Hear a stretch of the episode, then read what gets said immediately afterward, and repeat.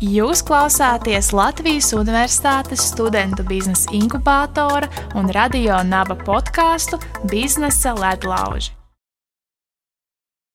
Sveiki, mūsu šī brīža klausītāji! Pēc neilgas pauzes esam atgriežušies atpakaļ podkāstu biznesa ledlauž, lai jaunajā sezonā pārsteigtu jūs ar daudz vērtīgām sarunām un praktiskiem padomiem.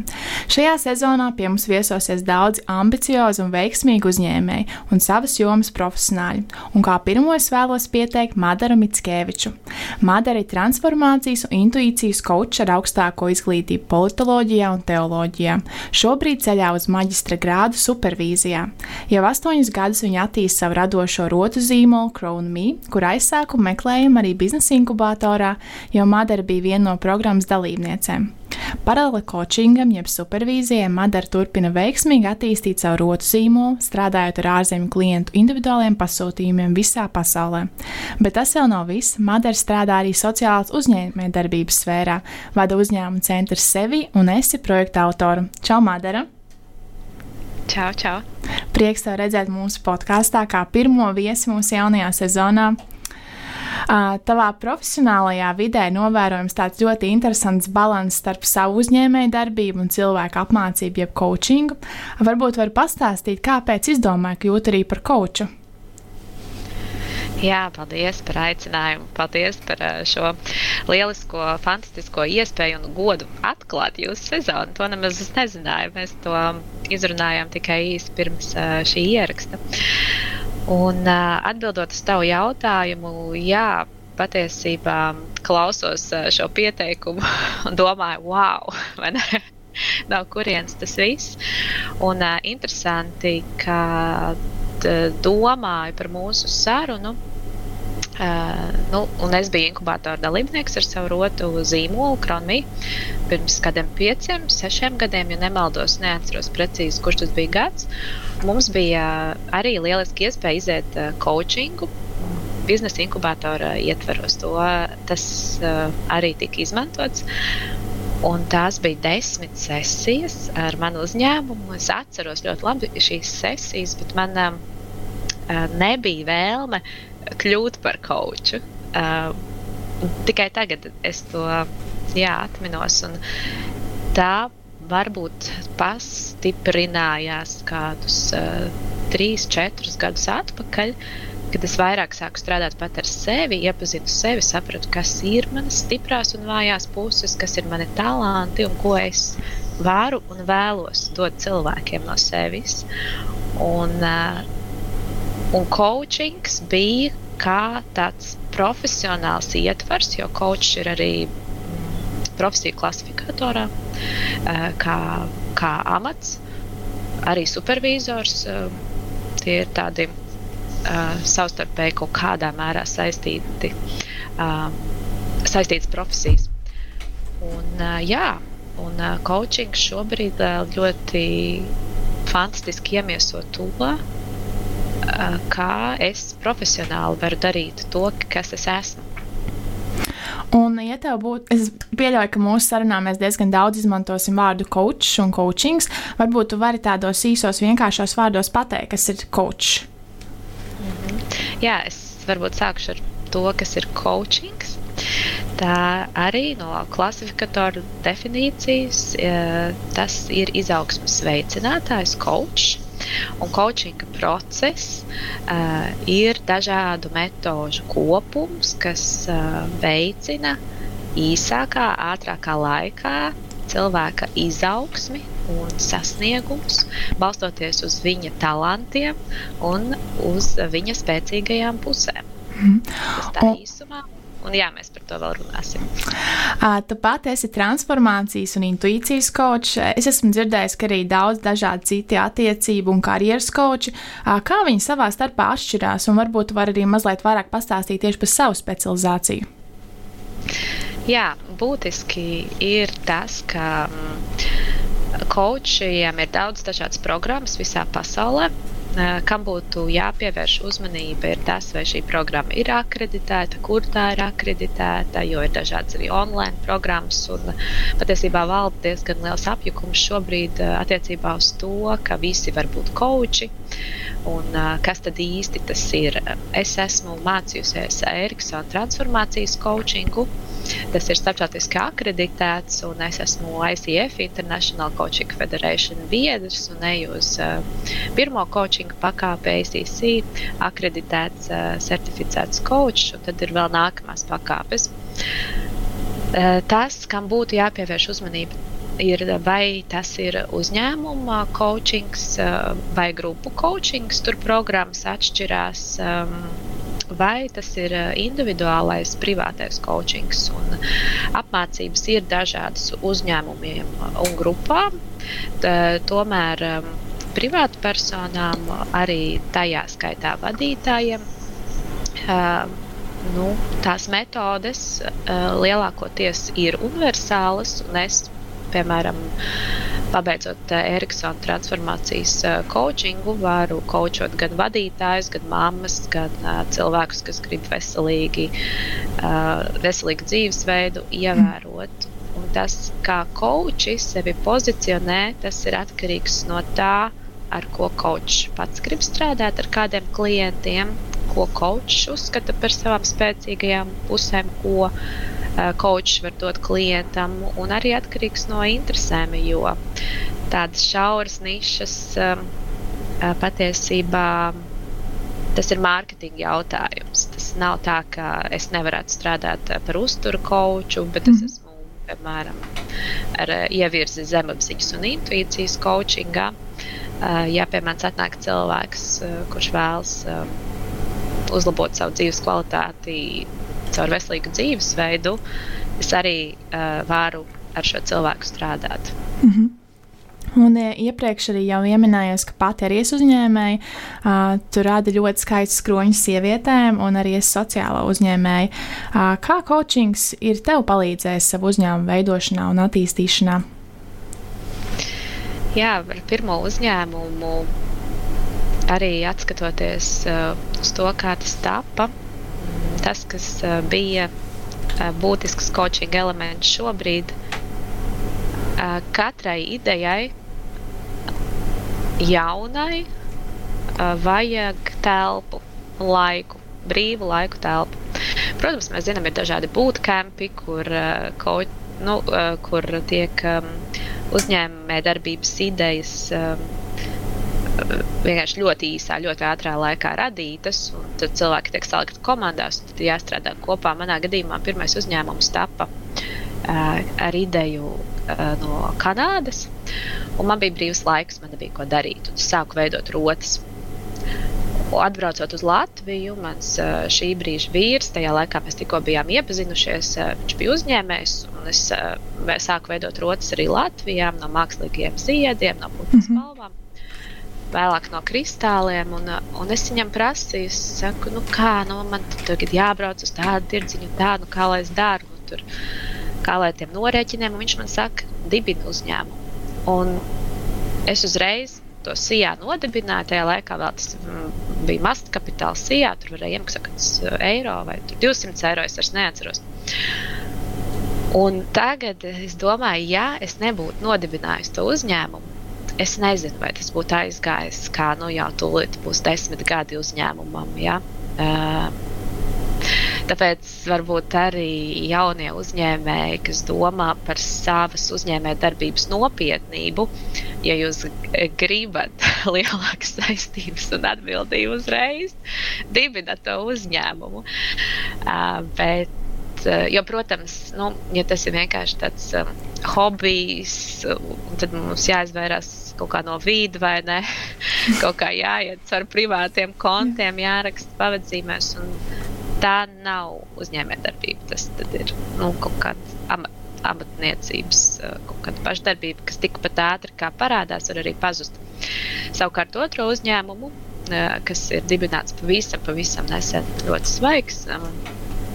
Es jau dibinu kā coach, ļoti skaidri apzinoties savu misiju, vīziju un kādēļ man tas ir nepieciešams. Šajā gadījumā tādēļ, ka es ieguvu grantu uh, 50 tūkstošus uh, eiro no Altuma un sociālās uzņēmējdarbības ideju konkursā. Un, līdz ar to ir tapis jā, nu, jauns sociālās uzņēmējdarbības uh, uzņēmums, ar kuru arī uh, tiek īstenoti lieli cēli un būtiski mērķi sabiedrības labā. Mm -hmm. Lieliski, es ceru, ka viss iesāktais arī turpināsies veiksmīgi. Uh, pirms uh, apspriežam vairāk pašu coachingu tieši biznesā un kāds var palīdzēt, es uh, vēlējos iesākumā izcelt divus tādus cilvēku aizspriedumus, jeb mītus, un varbūt tos var pakomentēt vai arī apgāzt. Uh, tātad pirmais ir, ka cilvēki uzskata, ka coachings ir domāts tikai pieredzējušiem līderiem, vecākiem menedžeriem. Vai tavuprāt tā ir? Jā, es sākšu ar uh, pretjautājumu, vai ne ikvienam klausītājam. Kas līderi padara par līderi? Kas, kāpēc līderis ir līderis un citi nav līderi. No šīs perspektīvas raugoties, un caur ma manu skatu punktu raugoties, tā ir vēlme un spēja strādāt ar sevi, iepazīt sevi, būt godīgam pašam attiecībā uz sevi un uz citiem cilvēkiem, un mm, vēlme nepārtraukti attīstīties. Un tad, kad visi mārketinga kursi ir izieti, visi uzņēmējdarbības, visi vadības kursi ir izieti, kas tad paliek? Ja? Mm. Šis ir jautājums. Un tas, kas paliek, tas vienīgais uh, unikālais resurss, ja visiem visa informācija ir vienādi pieejama. Ja? Nu, visi vadītāji ir izgājuši, piemēram, viens kursus. Ja? Nu, cik pasaulē tāda ir, labi, tur var spekulēt. Bet tā doma ir tāda, ka tad paliek iepazīt sevi. Tas nu gan ir tas, ko neviens cits cilvēks nevar atkārtot. Tā ir unikāla pieredze. Un, tāpēc kaut kādā mērā, jā, līderi investē sevī, tādēļ, ka viņi redz tam jēgu un nozīmi. Un cilvēks, varbūt, kas nav ar līdera domāšanu, kaut kādā brīdī šķiet, ka viss ir iespējams pašam. Tā arī ir bieži vien, un nav vajadzīgi visiem koči, nav vajadzīgi visiem skolotāji. Mm -hmm. YouTube, do it yourself, un tas ir iespējams, un, un tas ir reāli. Tā, tā ir realitāte. Eh, bet uh, mani klienti ir arī skolotājs, mammas, uh, mākslinieki, mūziķi, fitnes treneri, ļoti daudz un dažādi cilvēki, vadītāji, augsta līmeņa tā skaitā. Tā kā, jā, nu, tas ir tāds mīts ar puspatiesību. Mm -hmm. Es aicinu domāt par to, kāpēc tā ir, ka līderi tam redz lielāku nozīmi. Mm -hmm. Un otrs, tas, ko es atradu, ir, ka coachings ir domāts tikai cilvēkiem, kuriem ir problēmas. Mm, jā, nu, kas vienam ir problēma, kādam citam ir liela iespēja. Mm. Un, um, Es neteiktu, ka tā ir problēma, eh, bet noteikti tas ir jautājums. Ir nepieciešams jautājums, jo, lai mhm. ietu pie koča, ir nepieciešams vai nu mērķis, vai motivācija. Tātad man ir mērķis, un es nezinu, kā es to sasniegšu, bet es zinu, ka es to izdarīšu.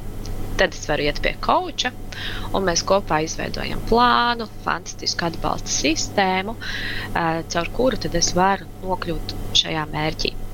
Otrs variants ir, ka es ļoti gribu kaut ko mainīt savā dzīvē. Es zinu, ka es nevaru palikt te, kur es esmu, mm. dažādu iemeslu dēļ, bet es nezinu, kur es gribu būt. Un tad kas var palīdzēt saprast, kur klients vēlas būt, lai tad attiecīgi izmantot šo inerci, šo motivāciju, lai tur nokļūtu. Jo klientam pašam būs jāstrādā. Kočs to nedarīs klienta vietā, un tāpēc arī, nu, piemēram, ilgajā coachinga sesiju ciklā, tur 80 reizes, vienmēr kādā 4. un 5. sesijā nu, katru sesiju tiek vērtēts progress, mm -hmm. bet mhm. tādā procesa vidū, ja mēs saprotam partnerībā ar klientu, ka šis progress nav, tad ir jautājums, vai tas ir coaching, kas ir nepieciešams. Jo mm -hmm. coaching raksturo progresu no tagadnes uz nākotni. Mm -hmm. Un es pieļauju, ka ir varbūt arī cilvēki, kas uh, uzskata, ka mentors teorētiski arī var kaut kādā veidā palīdzēt cilvēkam virzīties uz mērķi. Var, vai ir kaut kāda būtiska atšķirība starp mentoru un koču? Jā, un uh, bieži vien ir daļa cilvēku, kuriem vajag tieši mentoru, nevis koču. Un otrādi, jo nu, tādā īsumā kočs aicina uz uzņemties atbildību klientam, un coachs uzdod jautājumus, un klients meklē atbildes sevi. Mm -hmm. Coachs, piemēram, ja mēs iedomājamies, ka es stūrēju mašīnu, tad tu stūrē mašīnu ir tā klā zona, ko mēs neredzam spogulītī. Ja? Mm -hmm. Un tā ir fi, nu, fizika, vai ne? Nu, mēs viņu fiziski vienkārši neredzam. Nevis tāpēc, ka mēs negribam redzēt, nevis tāpēc, ka, tāpēc, ka mašīna tā ir uzbūvēta. Cilvēks arī ir uzbūvēts tā, ka cilvēks arī nespēja redzēt par sevi kaut kādas lietas. Un tad tas ir mans darbs un koča darbs, um, ieraudzīt to, ko neredz klients, un vērst uz to uzmanību. Bet tā ir klienta atbildība, vai viņš ir gatavs šai informācijai, vai viņš to ir gatavs izmantot, un vai viņš ir gatavs tā labā kaut ko darīt. Mhm. Un atbild varbūt arī nē. Mentors savukārt uh, uh, ir gatavs ar, dalīties ar savu pieredzi, padomiem. Patricija, ja tu gribi savu uzņēmumu dibināt, tu aizēji tev ir jāiet uz uh, tur vide, DSA, tu pieredzēt, tad tu uztais tādu marketinga plānu. Un tiem visbiežāk arī ir speciālisti mm -hmm. gan mārketingā, gan um, biznesa plānu veidošanā, rakstīšanā. Bet interesanta situācija ir tāda, ka, piemēram, coachings rietumos, nu, piemēram, Amerikā, ja, uh, bieži vien pārdod jau uh, coaching pakalpojumu ar biznesa plānu kopā. Tātad tas ir apvienots coachings un mentorings. Un uh, tā ir tāda milzīga atšķirība, kas varbūt arī rada apjukumu.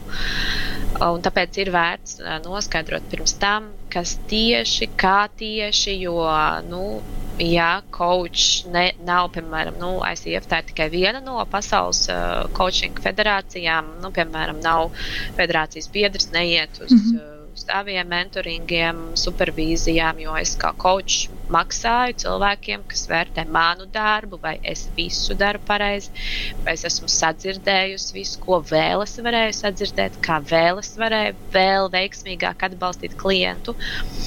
Un, ja šī sistēma, ja šis ceļš netiek iets, tad um, tad, protams, tas coaching pakalpojums var būt visdažādākais. Sākot vienkārši no sarunām, beidzot mm -hmm. ar mentoringu un visu pa vidu.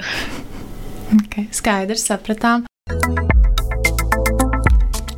Jūs klausāties Latvijas Universitātes studentu biznesa inkubātora un radio naba podkāstu Biznesa ledlauži. Kā iepriekš minēju, labprāt arī aprunātos par coachingu tieši uzņēmumos un darba vidē sākuma stadijā, kad jaunie uzņēmēji ir, bijuši, ir sā, kā, sākuši attīstīt savu uzņēmumu, ir ļoti daudz visādas lietas, kur tu gribi sprūkt, gribi pēc iespējas vairāk paspēt, bet tajā pašā laikā ir ļoti daudz jaunu apkārt un ir grūti izvirzīt prioritātes, tā teiktu. Varbūt vari padalīties ar kādiem paņēmieniem, kā, kurus uzņēmums, kurš ir jaunā sākuma stadijā, varētu izmantot, lai efektīvi izvirzītu mērķus. Mm, jā. Labs jautājums, paldies. Es arī ieskicēšu līdz ar šo jautājumu nedaudz coaching sesiju struktūru. Un mm. es tev uzdošu, Patricija, jautājumu, piemēram, vai tev ir nu, nu, kāds mērķis, ko tu vēlēsies? Ir, jā. jā. Nu, tu iedomājies, vai, vai tu esi gatava arī pateikt to skaļi? Tā, tad man jāpadomā, ar kuru es varu padalīties. No, izdomāšu tulīt kādu konkrētāku. Nu, pieņemsim, izlasīt šajā atlikušajā gadā trīs grāmatas vēl. Jā, ļoti labs mērķis. Un tā mēs varam iedomāties, ka šim jaunam uzņēm, uzņēmējam, uzņēmumam ir savs mērķis. Mm. Un katrā coaching sesijā ir arī šis jautājums, kāpēc tu gribi izlasīt šīs grāmatas? Vai tu vari atbildēt uz šo jautājumu? Nu, manuprāt, tas ir pirmkārt, tu attēji no digitālajām ierīcēm, tas ir laiks sev. Tev ir iespēja mazliet uh, sakārtot domas, uh, mazliet tā no ikdienas steigas attiet, uh, ir iespēja uzzināt kaut ko jaunu. Uh, manuprāt, uh, tas ir ļoti interesants aspekts, iespēja pēc tam pārunāt, ko tu esi izlasījis, kādu tuvinieku. Um, es domāju, ka tas arī attīstīja kaut kādu tādu spriest, spriest spēju Un, uh, manuprāt, tas vienkārši tāds ļoti labs laika pavadīšanas veids, ko es gribētu vairāk piekopt. Mm. Jā, ļoti labi. Un uh, nākamais jautājums būtu, varbūt pa vidu mums vēl būtu mm -hmm. kādi jautājumi. Un uh, tavs, tavs sākotnējais mērķis bija diezgan uh, izmērāms. Jā? Mm -hmm. nu, kā tu zināsi, kā tu zināsi, ka tu esi izlasījis grāmatas, labi, tu zināsi, bet kā tu zināsi, piemēram, uh, ka tagad tev ir uzlabojusies spriest spēja. Kādi ir kritēriji? Oi. um. Ja godīgi, tad tā grūti atbildēt, bet es teiktu, ka tā. Man liekas, ka tas, ka tu lasi grāmatas, pirmkārt, tev dod paplašina vārdu krājumu, un ka tu situācijās, kad ir varbūt kaut kāda diskusija vai kaut kas tev ir jāpasaka, tu vari tā brīvāk izteikties, tu mazliet esi pārliecinātāks, un tas, man liekas, arī rada tev to tādu spriest spēju, ka tu esi tāds spēj konstruktīvāk izteikties. Jā, un, un šāds ir coaching sesijas sākums. Mm -hmm. Un tas grūtākais jautājums, ko tu arī minēji, vai uz šo ir grūti atbildēt, kā tu zināsi? Ja, ja ne? Jo, piemēram, mēs izvirzām mērķus, gribam būt veiksmīgs un bagāts, kā tu zināsi, ka tev tagad tas ir? Mm -hmm. Varbūt tu jau esi veiksmīgs. Jo kāda ir tava kritērija veiksmē, vai ne? Mm. Un uh, atbildēt uz šiem trim jautājumiem ir ļoti, ļoti būtiski. Tātad, kas ir tas, ko tu gribi, kas ir tavs mērķis, mhm. kāpēc tu to gribi un kā tu zināsi, ka tev tas ir. Un to var darīt daudz dažādos veidos. Var veidot pierakstus. Es vispār aicinu visiem veidot pierakstus, dienas grāmatas. Man liekas, mums tas ir palicis 13 gadīgu meiteņu tādās atmiņās, tur dienas grāmatas, bet nē, tas ir super, ļoti fantastisks veids, kādā piefiksēt, kā cilvēks domā, kā es pati domāju, un pēc tam es varu izvēlēties, ko šo informāciju iesākt. Un, protams, nu, no tāda tehniska viedokļa nu, jaunajiem uzņēmējiem, kā izvirzīt savas prioritātes, ir jāsaprot arī tava kā cilvēka vīzija, misija dzīvē, uzņēmuma vīzija, misija mhm. dzīvē, nu, kāpēc mēs kaut ko darām, to, ko mēs darām, savas stiprās puses. Un, ja ir komanda, tad katra komandas dalībnieka stiprās puses. Un būtiski, ka vismaz sākotnēji, kāpēc arī daudz cilvēku beidz darīt to, ko viņi iesāka, tīpaši startupos, jaunas uzņēmējdarbības vidē, saskaroties mm -hmm. vienkārši ar kaut kādām grūtībām.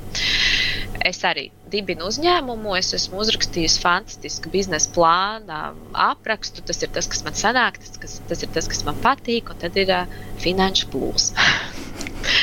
Lai arī es biju skolā pirmajā vietā ekonomikas olimpiādē, tas nav tas, ko es šobrīd uh, gribu darīt, un tas, kas man sanāk bez piepūles. Man sanāk uh, rakstīt, novērot, apkopot informāciju, mm -hmm. bet ne rēķināt finanšu plūsmas.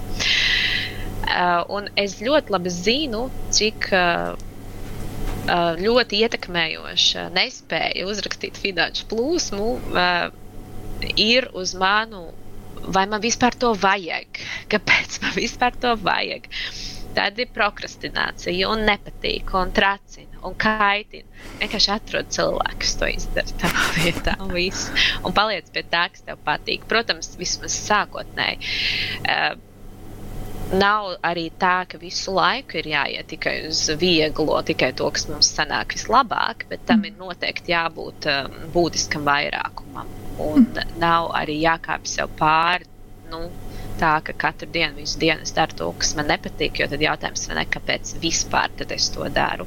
Ja man stiprā puse, piemēram, atrast uh, komandu vai cilvēku, kam tas sanāk labāk, tā ir mana vadības prasme, jā, vai mana spēja pazīt cilvēkus un atrast uh, cilvēku katram cilvēkam īsto uzdevumu un īsto vietu. Un tāda pasaule griezīsies ātrāk, ja katrs darīs to, kas viņam sanāk pirmām kārtām un tikai pēc tam visu pārējo. Jo skaidrs, ka nav iespējams arī darīt jā, visu laiku to, kas patīk.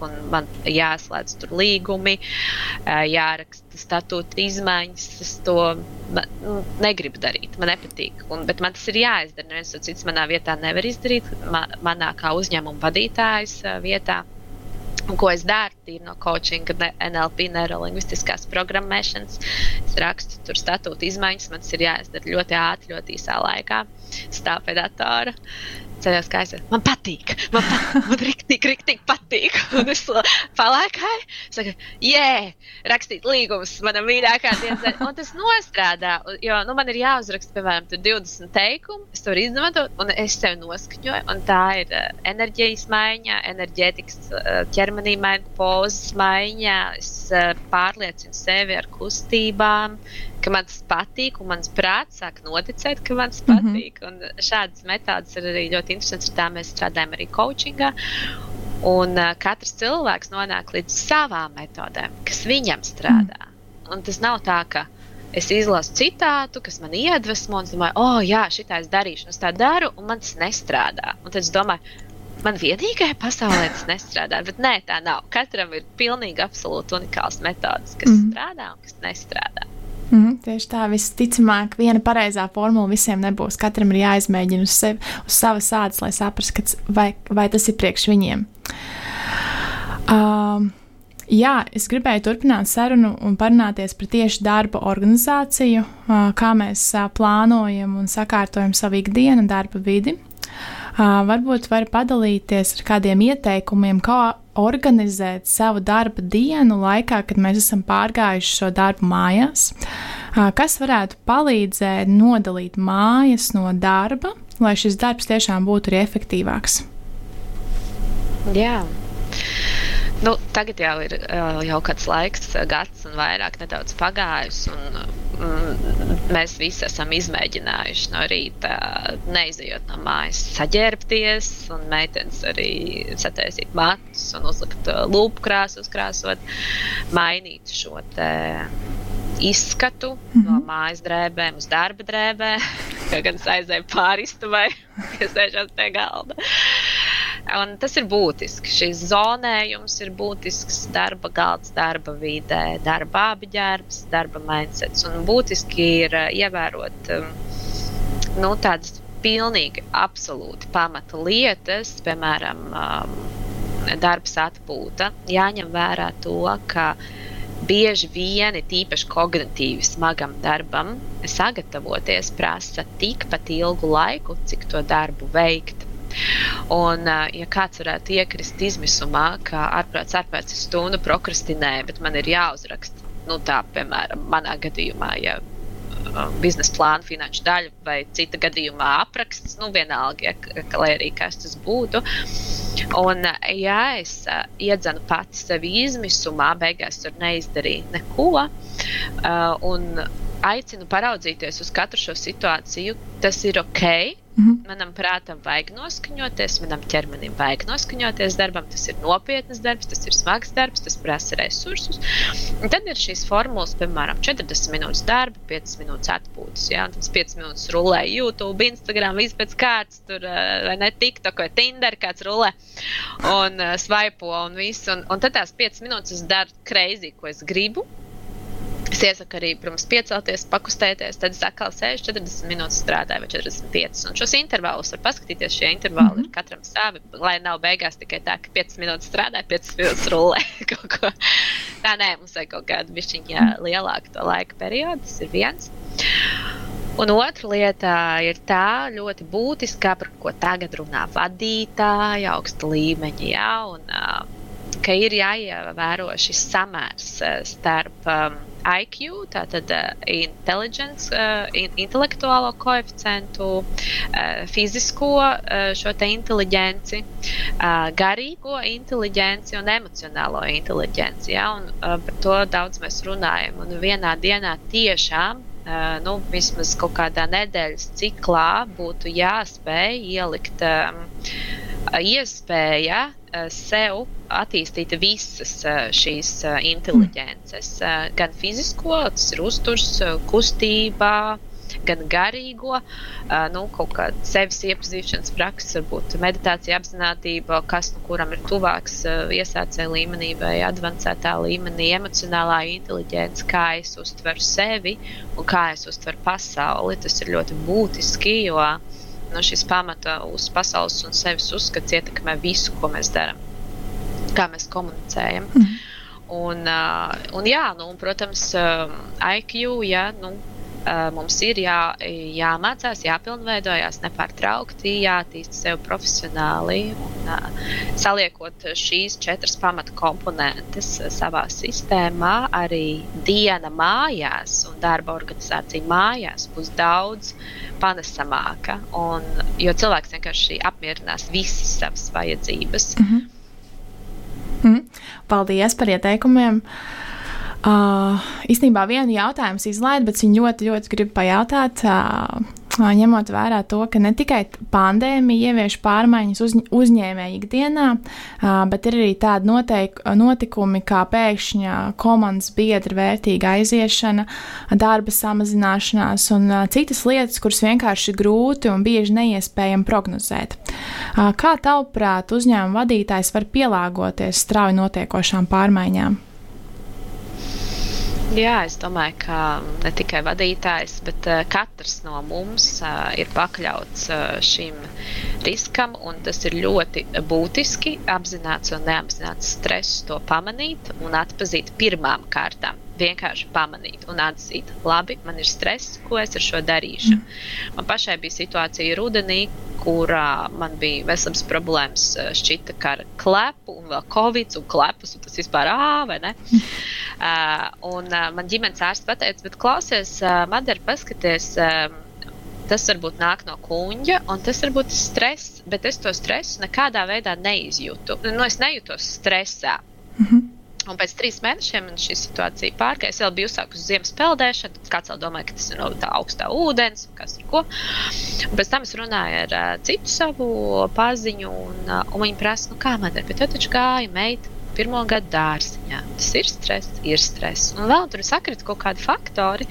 Es domāju, jā, tiešām. Bet es to nejūtu. Un tās sekas var būt. Um, nu, būtiskas, tiešām mm -hmm. uh, ik, katru dienu ietekmējošas.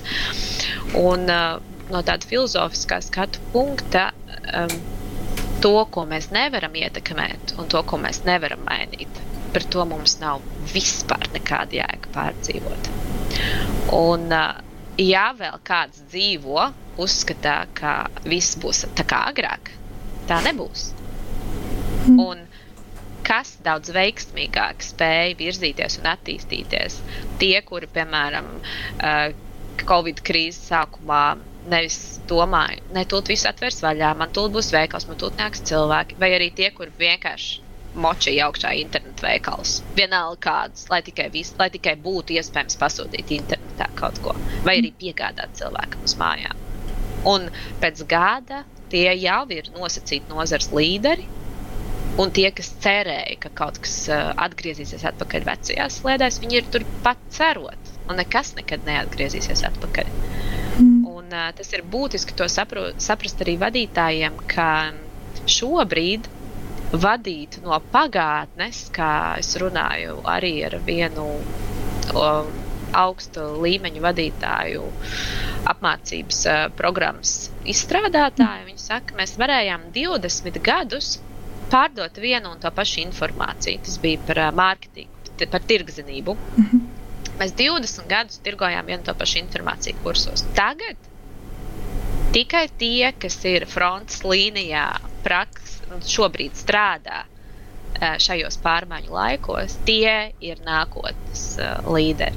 Nevis tie, kas uh, jau nestrādā nozarē vai dara kaut ko citu. Uh, šī informācija jau ir novecojusi. Un ir būtiski vadīt no nākotnes.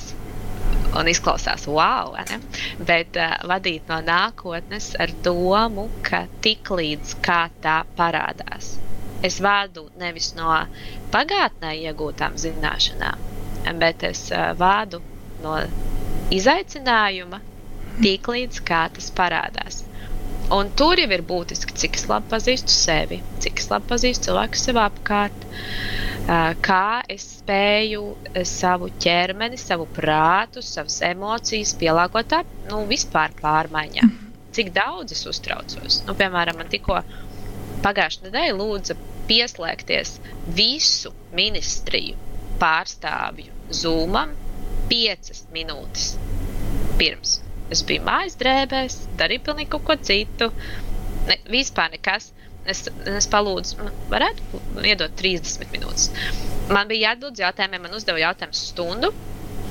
Un, ja es nemācētu telpot, tā kā es neraustītu valodu, ja es nezinātu, ko vilkt, ja es nemācētu uzlikt make-up trīs minūtēs, tad ļoti iespējams es nebūtu sniegusi tādu rezultātu, kādu sniedzu. Tas bija labs, rezultāts bija pozitīvs, viss bija kārtībā bet tā ir mana spēja strādāt pašai ar sevi katru dienu, trenēties šai x stundai vai jaunai pārmaiņai, kas nāks, vai ne? Mm. Kas nu būs?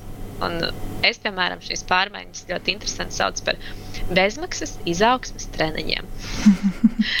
Tas nav salūst mašīna, vai man jābrauc pie klienta uz Latgali, un man mašīnai pārplīst riepa. Un es jau kavēju. Ja? Ok, ko es varu darīt? Ne, nav daudz variantu. Ja es kaut ko varu darīt, es daru. Es uzreiz uh, servisu sazvanu, tur trīs reizes pumpēju to riepu pa ceļam, tur aizbraucu kaut kā.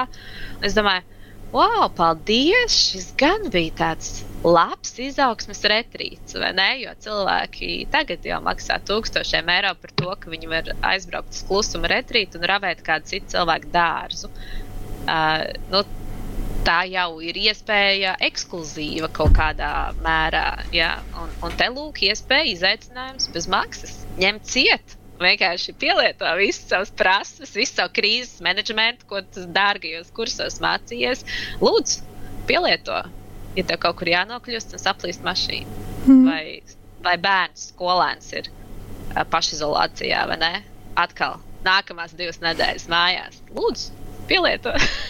Tieši tā ir kaut kāda ikdienas situācijas, kas īstenībā, kur tev jāpielieto šis krīzes menedžments, un kas īstenībā tev pēc tam arī var darbā palīdzēt. Jo nu, ir kaut, viss kaut kādi sīkumi gadās, un kaut kādas visādas problēmas, bet tev ir jācenšas pie tajām pieti tādu vēsu prātu, un jācenšas atrast risinājumu, nevis tā krist panikā un gaidīt, ka kaut kas atrisināsies pats no sevis.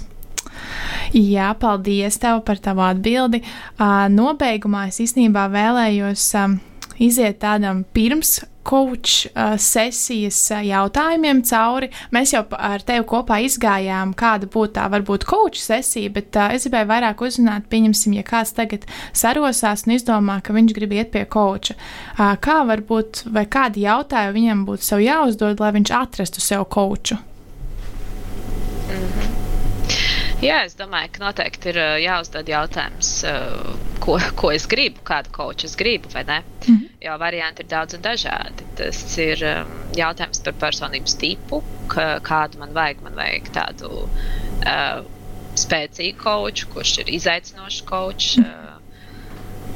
Es esmu izaicinošs kočs, man ir spēcīga enerģija, un uh, es arī, jā, man klients ir tāds, ka es redzu kuru es varu, ar kuru es varu strādāt, un tie klienti nāk konkrēti pēc uh, patiesības. Nu, viņiem mhm. nevajag tur puķītas rozītas, viss rozā pūkains, jā, jā, jā, tur iedvesmojoši.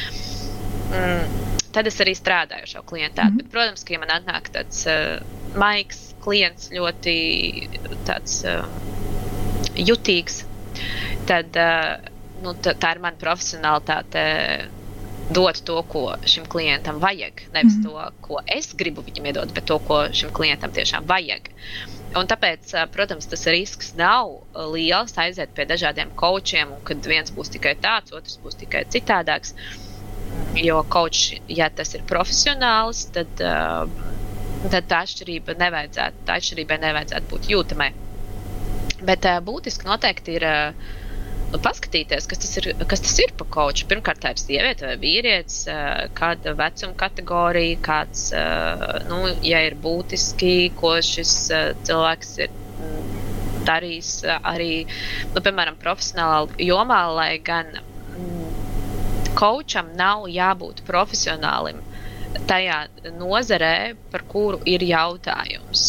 Un ir bijušas daudz dažādu diskusijas. Piemēram, cilvēks ar piecām laulībām var būt veiksmīgs attiecību kočs? Un atbilde ir jā, jo iespējams viņam ir vislielākā pieredze, pieredze cilvēkam, kuram nav bijušas attiecības. Jā, jo viņš zina visas šīs situācijas. Viņa kliedz apkārt, man bija tā, ah, jā, jā, man arī tā bija tur trešajā laulībā.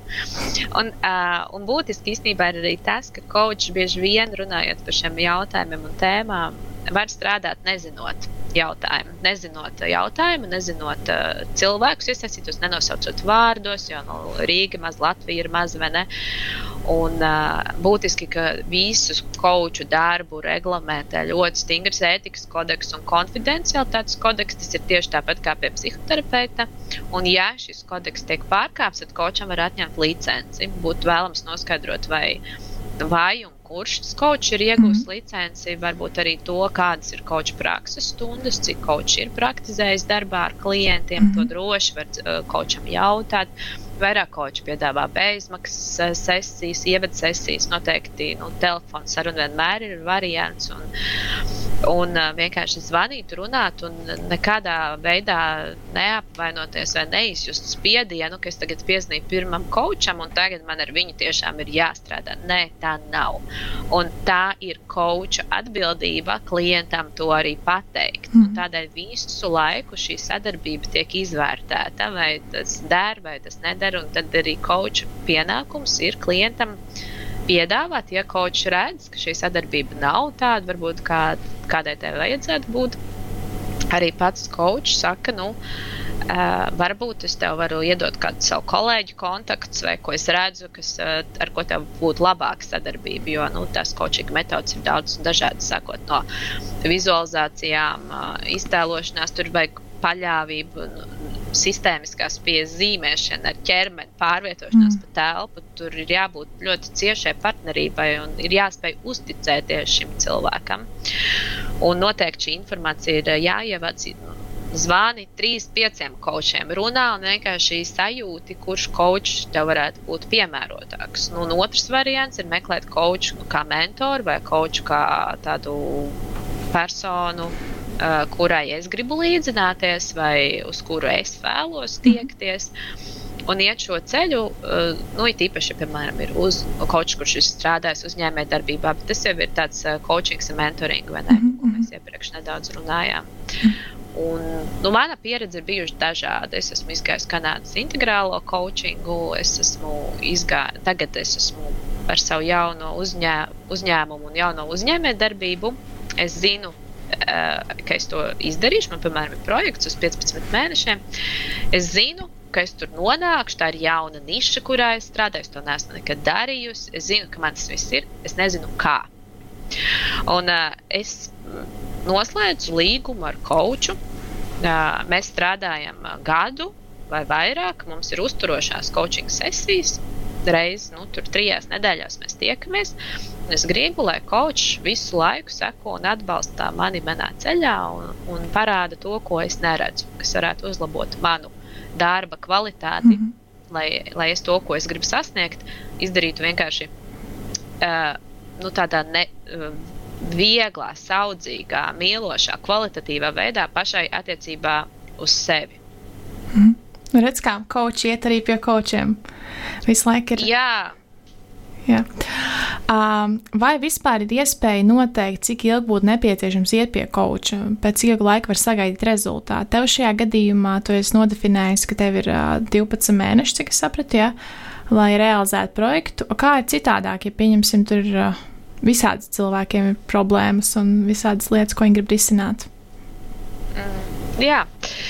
Tas tiešām ir atkarīgs no jautājuma. Parasti ir viens jautājums, kas ir ilgtermiņa jautājums. Tie var būt 3, 6, 9, 12 mēneši. Tagad ir koči ļoti populāri, kas slēdz līgumus uz um, 6, 6, 8 līdz 12 reizēm. Nu, principā 12 sesiju cikls, tas ir, ja reizi mēnesī tas ir gads, uh, ir vairāk kā pietiekami. Un, ja ir viens jautājums un 12 sesijas, un šis jautājums netiek atrisināts, tad, protams, liels jautājums ir, kāpēc. Tad pēc tam 10, 12, 8, 10, 12 reizēm vajadzētu vai nu mainīt jautājumu, vai mainīt koču. Mm -hmm. Nu, tur nu, tas nav. Coachings nav tāda ilgtermiņa terapija. Coachings ir no tagadnes uz mērķi. Tai, tam būtu jābūt uh, prognozējumam, pārskatāmam laikam, kurā šīs izmaiņas notiek. Uh, sākotnēji sesijas var notikt, piemēram, reizes nedēļā, pēc tam reizes divās nedēļās. Manā gadījumā tas ir reizes trijās nedēļās, varbūt arī reizes mēnesī, ja lielāki, dziļāki, būtiskāki jautājumi. Uh, jo coaching sesijas laikā gūtās atziņas nav tikai uz to brīdi, bet tās turpinās. Um, atkal un atkal at, mainīties mhm. un parādīties atkal jauna informācija. Un ir daži tādi būtiski, fundamentāli jautājumi un tāda apziņas maiņa, kad notiek vispār uzskatu maiņas un transformācijas, lielas, dziļas. Tad, um, tad šie jautājumi prasa laiku. Un tad arī nevajag kautrēties un teikt, kočam es nejūtu vienkārši, ka man šobrīd to sesiju vajag pārceļam pēc divām nedēļām vai nedēļas vai kaut kādu laiku, jo man vajag laiku, lai pabūtu ar sevi. Kočs saka, jā, labi, protams, jo, nu, coachingā un arī terapijā ir ļoti bīstami veidot līdzatkarīgas attiecības. Jo, piemēram, mans kā koča uzdevums ir, lai klients izveido tādu sistēmu, kas strādā viņam, lai viņam nebūtu nepieciešams koča mm. atbalsts. Ne, nekāda cilvēka atbalsts, viņš pats varētu uh, sevī tos resursus atrast. Nevis kaut kur citur vai nevis kaut kur ārpusē. Tā kā jā, tas ir uh, ļoti tāds, um, individuāls jautājums. Mm -hmm. Jūs klausāties Latvijas Universitātes studentu biznesa inkubātora un radio naba podkāstu Biznesa ledlauži. Un uh, es diezgan gari mums ir izvērtusies saruna. Varbūt nobeigumā tev ir kāds viens uh, padoms jaunajiem uzņēmējiem. Ai. nu, ir ļoti grūti, manuprāt, vispār kaut ko ieteikt no manas pieredzes kādam citam, jo katra pieredze ir unikāla. Man ir vismaz divi. droši, droši, droši. uh, viens ir tāds, ka vienkārši dari lietas citādāk. Ja visi iet baltos filtriņos, bilda teksts, bilda teksts, Instagram grīts vai tur story, tā, tā jau ir pagātne. Vienkārši dari kaut ko citādāk. Mm -hmm. Eh, manā, manā gadījumā tas bija visiem kočiem ir vienādi profili. Visiem ir, nu bilde, teksts, balts, tur laime, prieks, tur vēl. es aizgāju melnu, vienkārši melnā profilā. Uh, neviens nestrādā ar intuīciju, nu tā, publis viss ir izaugsmes, tur karjeras attīstības, tas ir būtiski. Nu, ej tajā šaurajā nišā. Jā, tā ir šaura niša, tas nav. Uh, pārdot puķītes un, uh, un uh, tur es nezinu, kas vēl ir ļoti populārs. Nu, protams, ir jārēķinās, ka um, ne visa informācija ir visiem cilvēkiem. Un tā ir. Tie, kas meklēs, uh, tie atru, atradīs. Un vēl, man liekas, ka startupā ļoti būtiski ir ide, go big, ej plašumā, lielumā ar ideju. Uh, bet vienkārši tiešām sāc ar to, kas tev ir. Un arī Latvijas Universitātes biznesa inkubators fantastiski to mm, saviem uh, audzēkņiem un uh, saviem mentorējamajiem šīs zināšanas iedod, uh, ejot lielveikalos, runājot ar cilvēkiem. Tas tiešām ir. Nav obligāti vajadzīgs ieguldījuma investīcijas. Ir iespējams ļoti daudz informācijas ievākt un pārbaudīt ar ļoti maziem resursiem tas uh, viss patiešām ir izdarāms. Mm -hmm. Paldies, tev liels, Mādara. Es ceru, ka mēs esam kādu iedvesmojuši vai atbildējuši uz kādiem jautājumiem. Paldies, tev liels par tavu atklātību, ieteikumiem un uh, sarunu. Uh, man tikai atliek tev novēlēt veiksmi maģistratūrā un arī darbā pie sava projekta. Un lai tev skaista šī nedēļa, kas tikko ir sākusies, un lai tev veiksmi darbos. Paldies tev par sarunu! Paldies, liels! Daudz veiksmes un iedvesmas jums pretī. Paldies! Atā! Jūs klausāties Latvijas Universitātes studentu biznesa inkubātora un radio naba podkāstu Biznesa ledlauži.